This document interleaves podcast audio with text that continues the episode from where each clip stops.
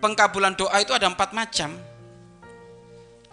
Pengkabulan doa itu ada empat macam. Satu, Allah mengkabulkan doa hambanya sesuai permintaannya dan seketika. Allah mengkabulkan doa hambanya sesuai permintaannya dengan segera. Ini yang pertama. Yang kedua, Allah mengkabulkan doa sesuai permintaan hambanya namun waktunya ditunda hingga waktu yang pas. Allah mengkabulkan doa hambanya sesuai yang diminta oleh hambanya namun ditunda waktunya sesuai waktu yang pas.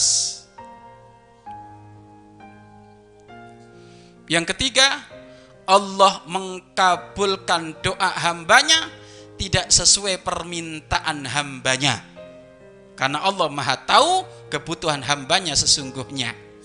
Allah mengkabulkan doa hambanya tidak sesuai permintaan hambanya karena Allah lebih tahu kebutuhan hamba hambanya. Itu yang ketiga. Yang ketiga.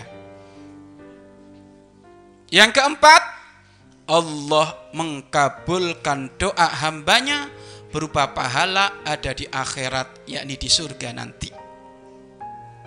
Ada di akhirat di sur di surga.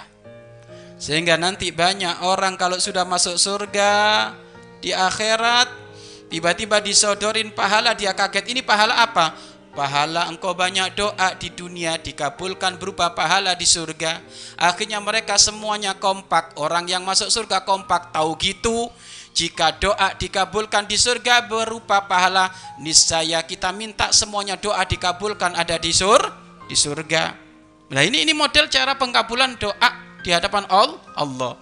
Jadi jelas ya, doa pasti dikabul oleh Allah. Ud'uni astajib lakum.